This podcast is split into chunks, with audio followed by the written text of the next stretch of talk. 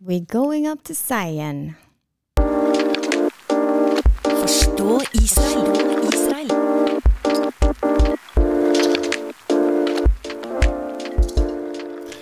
Ja, da er det en ny episode, og i dag er temaet Jerusalem, Marte Litte. Ja, det er kongens by vi skal snakke om. Og Jerusalem er nevnt eh, over 600 ganger i Bibelen til sammen. Og det er altså Nei, 800 ganger! Ja. Unnskyld! Det er 600 ganger i Det gamle testamentet. Det er så mange. Ja, det er mange. Og 200 ganger i Det nye testamentet. Og Jerusalem betyr jo fredens by. Altså grunnlaget for dobbelt fred, så godt jeg har forstått det. Det er stedet hvor Gud selv eh, valgte å bli forsonet med skaperverket og menneskeheten igjen.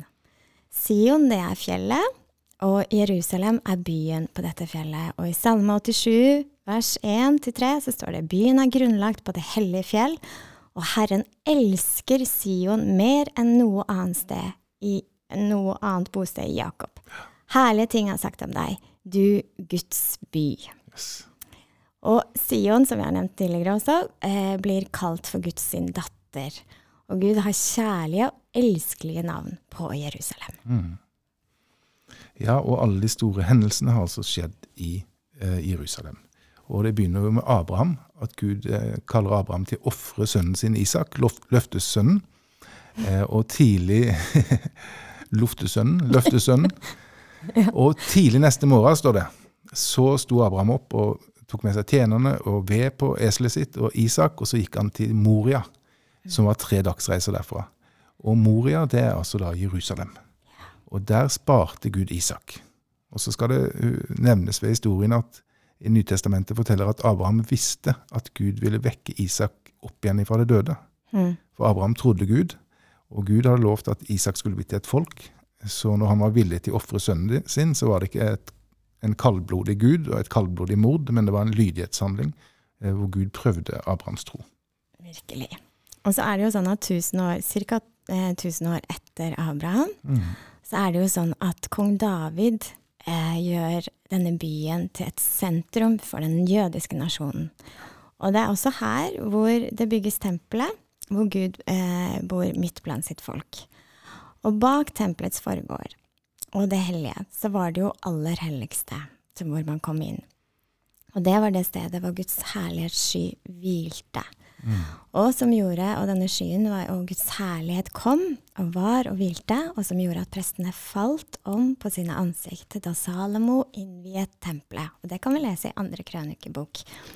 Eh, kapittel fem er det. Det er jo helt unikt i historien der. Det er ikke eventyr. Nei. Gud gikk med folket sitt med en skystøtte og en ildstøtte gjennom ørkenen. Mm.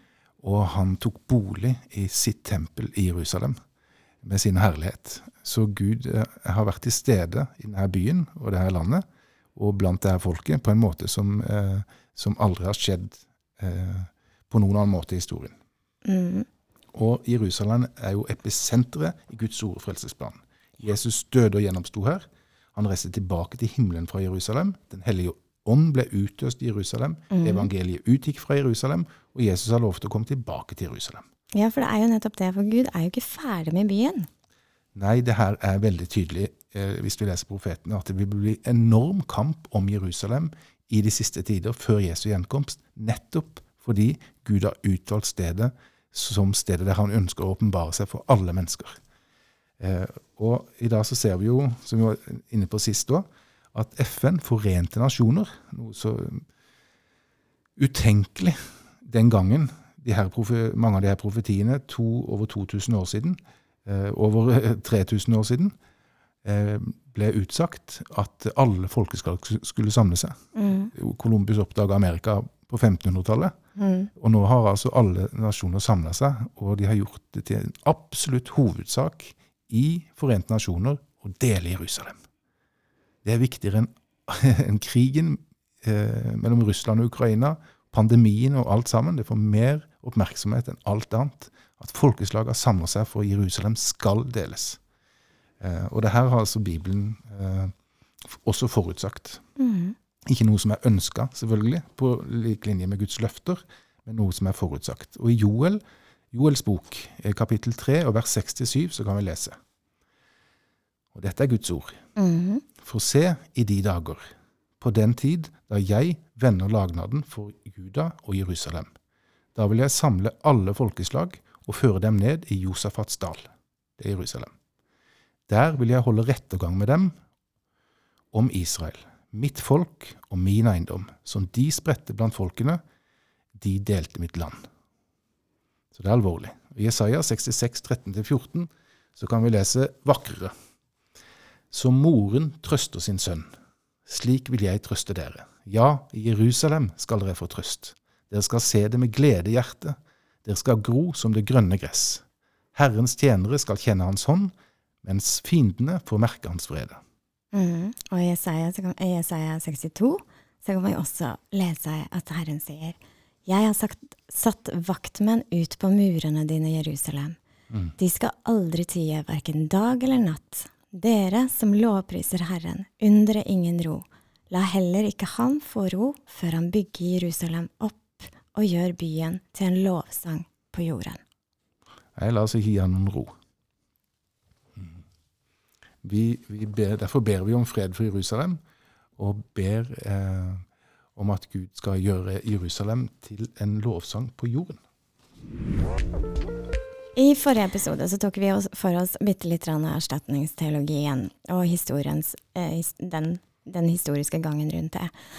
Kan du ta oss kort og, eh, igjennom eh, eh, Jerusalem sin historie, Martin? Lynkort, for det her er så spennende, og det er så utrolig mange involverte aktører. For akkurat som i dag, så vil alle eh, være herrer i Jerusalem. Mm. Vi, eh, Josefus beskriver om hvordan eh, den romerske keiseren ødela tempelet og, og, og fordrev jødene fra Jerusalem i år 70. I år 132 til 135 så forsøkte jødene igjen å samle seg og gjøre opprør og, og kvitte seg med okkupasjonsmakten, men med det samme resultatet. Og Keiser Hadrian han innførte navnet Palestina på Israel. Mm. Og Jerusalem kalte han for Aelia Capitolina. Eh, Palestina var et økenavn som han eh, satt på Israel fordi han ville utviske jødenes tilhørighet til landet. Og Aelia Capitolina betyr eh, områdets hovedstad, så det var et nøytralt navn. Mhm. Allikevel har det alltid bodd jøder i Israel gjennom alle de her århundrene de har vært forfulgt. Og på 300-tallet så ble altså kristendom en statsreligion, og det romerske riket som Israel var en provins i, eller da Palestina, som det ble hetende. Eh, Og fra 600-tallet så sto islam fram. Da bodde både jøder og kristne og etter hvert muslimer der. Eh, Og siden det så var det både persere og kurdere og arabere og tyrkere, rike og regenter, som krangla om makt og innflytelse i området, og alle ville ha herredom over Jerusalem. Så har vi korsfarertida på 1000-tallet, hvor paven eh, lovde syndeforlatelse, avlat til alle kriminelle europeere som ønska å myrde jøder på veien til Jerusalem og sette Jerusalem fri fra muslimer og jøder. Ja, der var jo også norske vikinger med. De var med. Der var de med alle sammen. Hele det kristne Europa. De oppretta korsfarerstater eh, som et par hundre år nesten hadde forskjellige seter i Midtøsten, bl.a. kongeriket Jerusalem. Så var konge, de kristne må nesten gjøre sånn. Igjen eh, makt over Jerusalem i kortere perioder i de to, eh, 200 åra det varte. Fra 1244 til 1515. Vi nærmer oss moderne tid. Da var det mamelukkene som regjerte over Jerusalem. Og mamelukkene det var opprinnelig etterkommere av egyptiske slaver. Mm. De var hvite, ikke-muslimske slaver som eh, gjorde opprør, og som ra- tilranna seg selvstendighet, og regjerte altså over Jerusalem fra 1244 til 1515. Det er 100 år, det.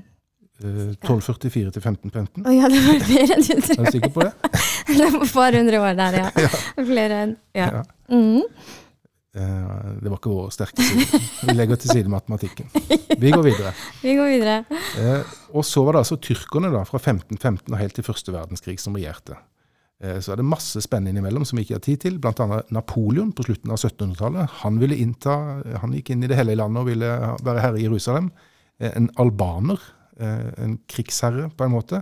Han regjerte over Jerusalem fra 1831 til 1840. Og det er mange sånne mindre epoker som går innimellom de her store linjene. Men sannheten er det at det er ingen spor til verken palestinere eller eh, et Palestina som et land eller en stat eller et folk i historien. Det var altså et økenavn som eh, romerne fant opp, og senere de kristne adopterte, men som ikke muslimene brukte. Så når tyrkerne regjerte, regjerte Mm. Over Israel og Jerusalem fra 1500-tallet og frem til første verdenskrig, så var det ingen som kalte seg palestinere, eller kalte det området for Palestina. Det var noe som ble eh, holdt levende i den kristne tradisjonen. Og da, ved at tyrkerne led nederlag i første verdenskrig, og britene ble gitt mandatmakt eh, for at det skulle opprettes en jødisk stat ved sine arabiske stater i området, så ble altså det her palestinernavnet gjeninnført. Og da var det eh, ensbetydende med egentlig jødenes land og det jødiske folk, som òg innebar arabere, sånn som de gjør i dag. Men det var jødenes kjerneområder. Og derfor var det eh, palestinske frimerker og palestinske eh, mynter eh, som var skrevet og merka på hebraisk. Og det som heter f.eks. Eh, Palestinia eh, symfoniorkester, det heter i dag Jerusalem symfoniorkester. Og eh, det som i dag heter Jerusalem Post, som er israelsk avis, det heter den gangen Palestinian Post, osv. Så. Ja. så det var eh, forbundet med jøder. Mm. For det er litt mer av den historiske delen skal vi ta for oss litt seinere i sesongen. Men takk for det. Takk for det.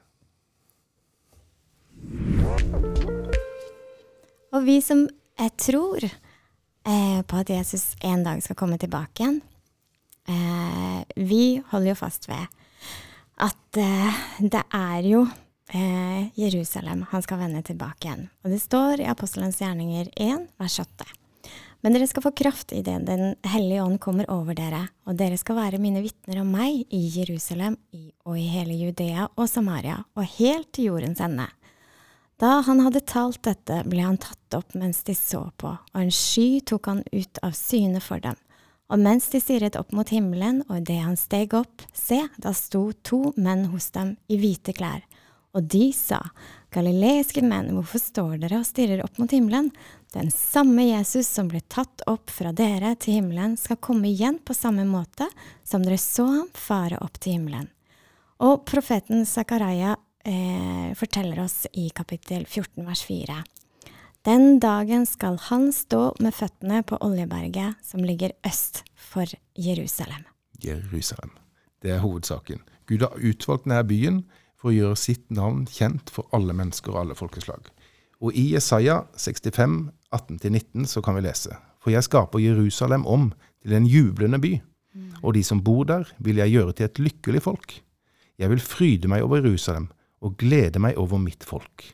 Aldri mer skal det høres gråt eller klageskrik i byen. Ja, vi har noen gode løfter å se fram til. Ja, virkelig. Og så er det jo en liten fun fact, for det står jo det at hvert øye skal se eh, det som skal skje. Og da har jeg fått høre, jeg vet ikke om det er helt sant, så dette kan folk sjekke opp sjøl, men at BBC har livekameraer oppe på Oljeberget i tilfelle det skulle være sånn at Jesus kommer tilbake. Jeg tror og venter på at han skal komme tilbake igjen, men om han blir på kamera, det veit jeg ikke. Det vil nok bli godt dekka, iallfall. Mm. Jeg har jo hørt at amerikanske flyselskap, eh, særlig i Amerika, og det er mange kristne her i Norge også, som tror på the rapture, opprykkelsen av Guds menighet liksom før den store trengsel eh, kommer over jorda og sånn, eh, at Guds folk skal rykkes opp i luften og inn i himmelen. Og derfor så har amerikanske flyselskaper, har jeg jo hørt, Mhm. eh, har er både en kristen når det er en kristen uh, sjåfør, hva heter det, pilot, Pilot, ja. så er det alltid en som er ikke-kristen. I tilfelle han skulle bli rykka opp i lufta mens flyet er i lufta. Oi. er det, Så det er mange som har innretta mye ja, det var etter det som har med Guds ord å gjøre. Ja, det var litt spesielt, men det var litt artig. Artig fun fact. Men det, det som vi kan si, da, er at det fins muligheter for å se livecam fra Jerusalem. Og det, hvis du har lyst til å se, da får du se eh, på vestveggen. Eh, og da kan man gå inn på www.thecotel.org. Altså the Cotel. altså det betyr veggen. Hotell, eh, ja. Eh, ja så, det, så der kan man jo se. Og veggen der taler vi altså om det vi ofte kaller for klagemuren. Det er ulike meninger om mye, men det som er helt sikkert, og Bibelen er helt tydelig på, det er at Jesus kommer tilbake, og at han kommer tilbake til Jerusalem. Og Da takker vi for denne, denne gangen, og så ser vi fram til neste episode, og da er temaet Jesus. Takk for i dag. Takk for i dag.